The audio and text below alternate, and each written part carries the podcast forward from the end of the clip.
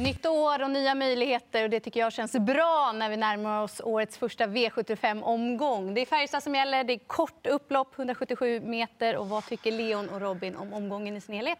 Jag tycker den är, ursäkta språket, skitrolig. Är det mixen som gör det? Eller? Ja, men jag tycker bara att det är spelat på ett lite märkligt sätt. Jag tycker jag hittat en trevlig vinkel på det. Och så har jag en sagohäst som jag ska spika.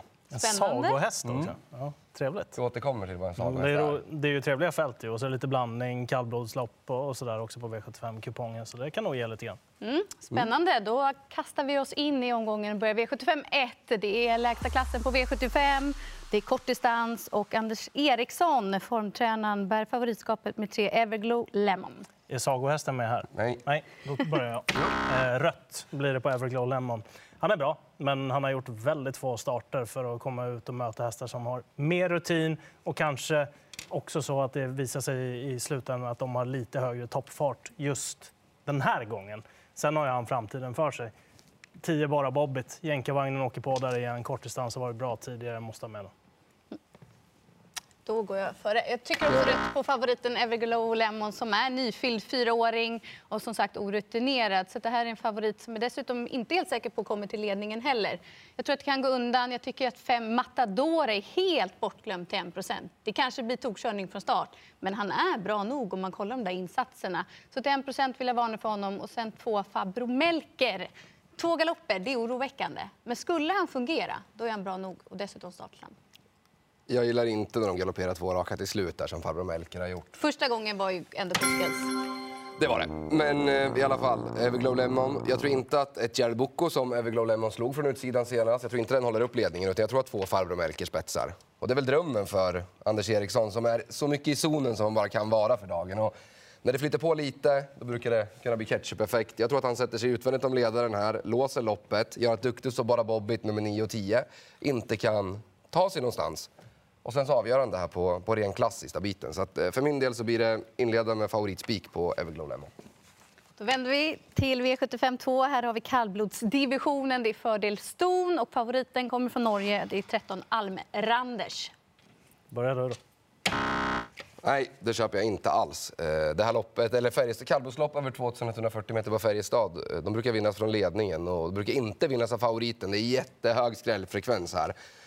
Eh, första häst för mig, eh, när jag stött, stött och blött loppet lite, det är ändå sex gul Frodo som har sån otrolig fart i, i benen. Och får Nathalie Blom eh, till styrningen eh, någorlunda och kan vara med i ryggar och kör, alltså, med den farten som eh, mm, Guli Frodo har så borde Almranders få otroligt jobbigt att plocka meter ute i spåren för att den är inte snabbare. Almranders är inte snabbare.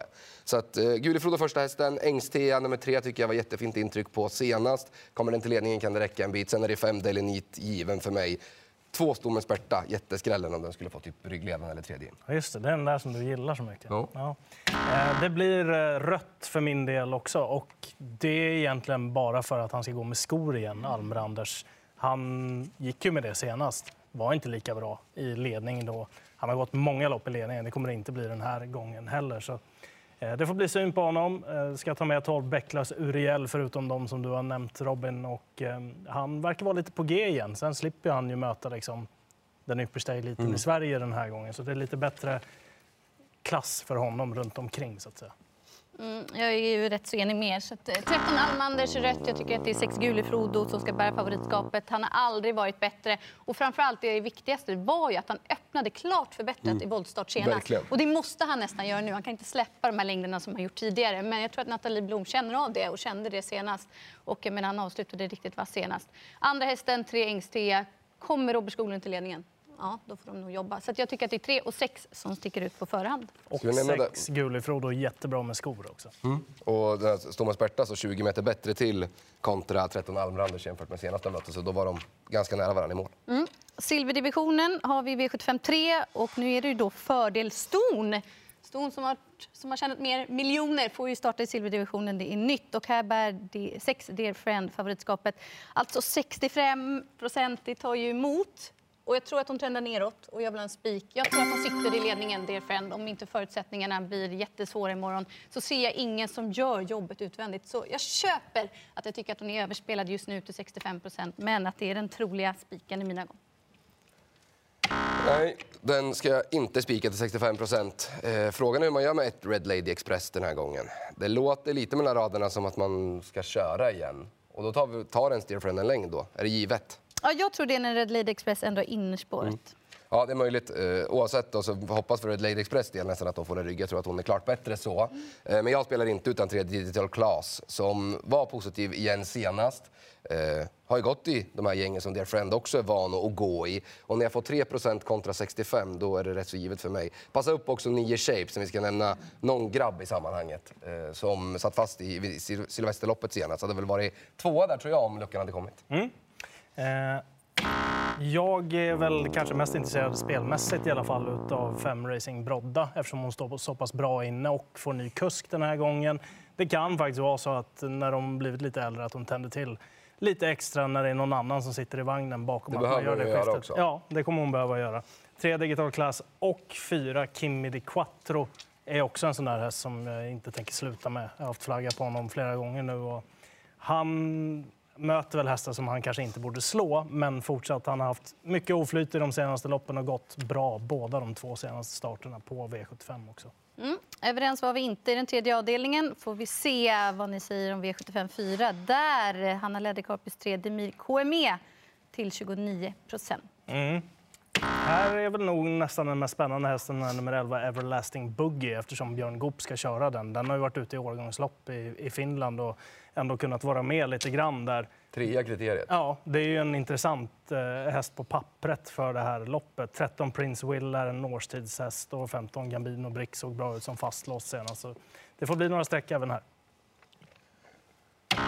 Demir KME har tjänat 150 000 på två starter, men propositionen är inte så mycket sämre än senast. Det ska ändå sägas. Hanna Läderkorpi har fått jättesnurr på den här hästen, så att hon har gjort ett kanonjobb. Um, men jag köper ändå inte den som favorit, tycker inte den öppnar tillräckligt bra. Här har jag en riktig rackarrökare. Jag tror att sju Vikens Ale är spetshästen. Har gått där en gång och vann då. Tycker den gjorde ett kanonlopp på, på nyårsafton dessutom. Var långt efter eh, de tre främsta där som fyra, men vann klungspurten och fick en ganska otacksam resa. Stod på start, fick gå i andra spår hela vägen, ut i tredje. Eh, jag tycker det var en, en jättebra prestation. Kommer Vikens Ale på innerspår den här gången så är det ju ett klart plus. Så jag blir inte förvånad om Ulf Olsson eh, skräller till här. Och sen är det ju 11 Everlasting Boogie där som jag har respekt för i övrigt. Mm, för min del till under 30 procent, så blir grönt på Demir med. Hanna Läderkopp har gjort ett fantastiskt jobb med sin häst och som du sa, propositionen skiljer sig inte. Trots att han har tjänat snabba pengar så är min eh, tro att han står bra inne ändå i klassen. Men det var Husse och gänget senast. Tycker inte att det är tuffare nu och Stefan Persson upp. Så att, eh, jag tycker att han är tänkbar att gå på fullt ut.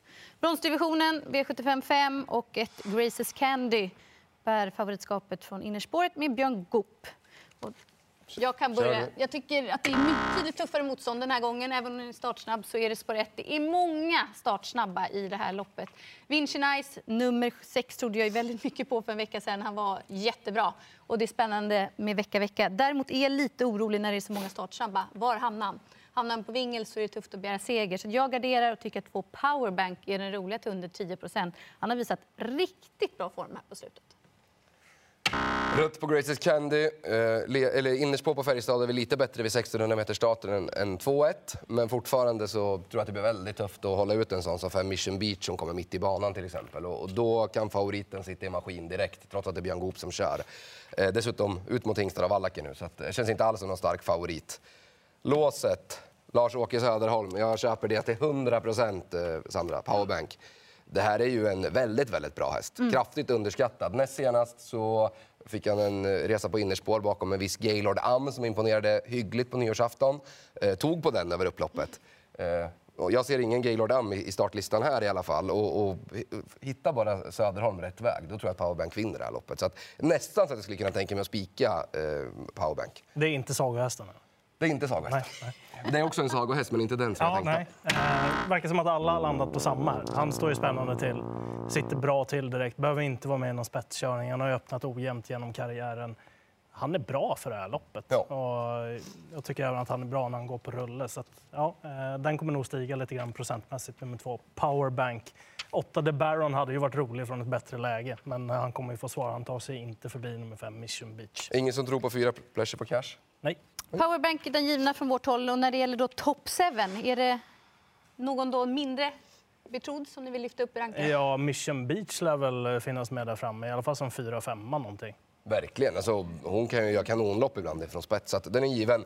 12 Despot Power, den här som jag verkligen gillar. När vi ska spela Top 7 och kanske hitta 4, 5, 6, 7. Um, där bak så vill jag ändå säga, den, den hästen är inte så dålig som uh, insatsprocenten. Ara är ju ganska bra ut nummer tre också. Mm. Kommer att få ett bra lopp. Ja. Då tar vi oss an stona, 15 stycken som ger upp. Det är två volter och eh, det är 12, 10 är det. So Superb, 23 procent, Olle Johan Östre. Är det rätt favorit? Eh, jag har fastnat för en annan häst i det här loppet och det är nummer sju, Dandelion Bonanza. Eh, springspår med Örjan, bara tre hästar på den volten också, så han kommer nog komma iväg ganska bra. Öppnade sådär om man tittar i den senaste starten. Jag tror att hon kan gå iväg bättre. Och är det så att hon gör det och hittar ledningen här så borde det vara en spännande chans. Så det är den jag tänker nämna. Mm, min del eh, så blir det rätt på, och So Superb som visserligen gjort det kanonbra på slutet. Men jag tror mycket på ett Parfait AF som har pausat nu.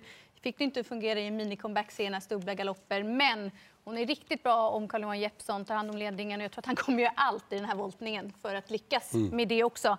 Där har hon tagit fem av sex segrar. Så eh, jag håller Parfait AF som första hästen i loppet. Men spela inte utan nummer 13 Tully Bardina Boe som jag har jagat och jagat och hon fick inte chansen senast heller. Så jag ger inte upp där. Den trodde jag det skulle bli hets på, 13 Tullibarden Bow. Mm. Men det har det inte blivit. Eh, rött säger vi i alla fall då på favoriten, Sosa Burb, som ändå är bra, absolut. Men eh, jag kan inte bara köpa det på, på V75, att han ska kuta runt dem. Eh, ni har pratat om olika spetshästar här. Det luktar att det, är... visst, är det någon som prickar betydligt bättre än övriga så kan det vara en fördel. Men det kan också bli körning. Emilia Leo är väldigt intresserad av spets också med 6 B Winner. Ehm, så jag letar nog lite på tilläggen då. 14 Green Mamba tycker jag är en väldigt bra häst som har kommit tillbaka igen. Fantastiskt. Man trodde, inte att, man trodde att det var över nästan för, för Green Mamba, att det inte skulle bli så mycket mer starter. Men vilket jobb de har gjort med, med hästen och otroligt eh, fin avslutning tillbaka i slag igen senast. Och sen är det 13 Tully Bardin Bow som satt fast med rubbet senast. Och det brukar kunna vara bra för de här stona. Ja, eniga om eh, gardering i V75 6. Definitivt. Då tar vi oss an avslutningen. Är det här då sagohästen kommer? Favorit nu, 6 Maestro Zon. Det är här sagohästen kommer. Och det är inte Maestro Zon, det är nummer sju, Like a Boss. Eh, som jag tänker spika på rubb som stubb eh, den här lördagen. Oj, oj, oj, vilket intryck det har varit på de här ricktussarna. Jag älskar när de spurtar så där från, från utvändigt av ledaren. Bara sitter där och sen rycker propparna och bara sticker. Eh, jag tror att Elias Strandberg vinner det här loppet om han skulle hamna utvändigt om ledaren. Och är det spets, då vinner han väl med 100 meter. Så att här är det bara att slå i spiken. Mm. Eh, kan ju låta tråkigt, men jag har exakt samma analys. Eh, jag vet inte om det är en sagohäst på det sättet som du säger, men det är en som man verkligen gillar. För jag tycker att han, är, han bryr sig inte om löpningsförloppen. Det spelar ingen roll vad han än gör. Utan, eh, när han väl drar tussarna på honom, då får han ett extremt svar. Och det mm. brukar ju bara vara en gång. Mm. Det känns som att det har varit varenda gång också.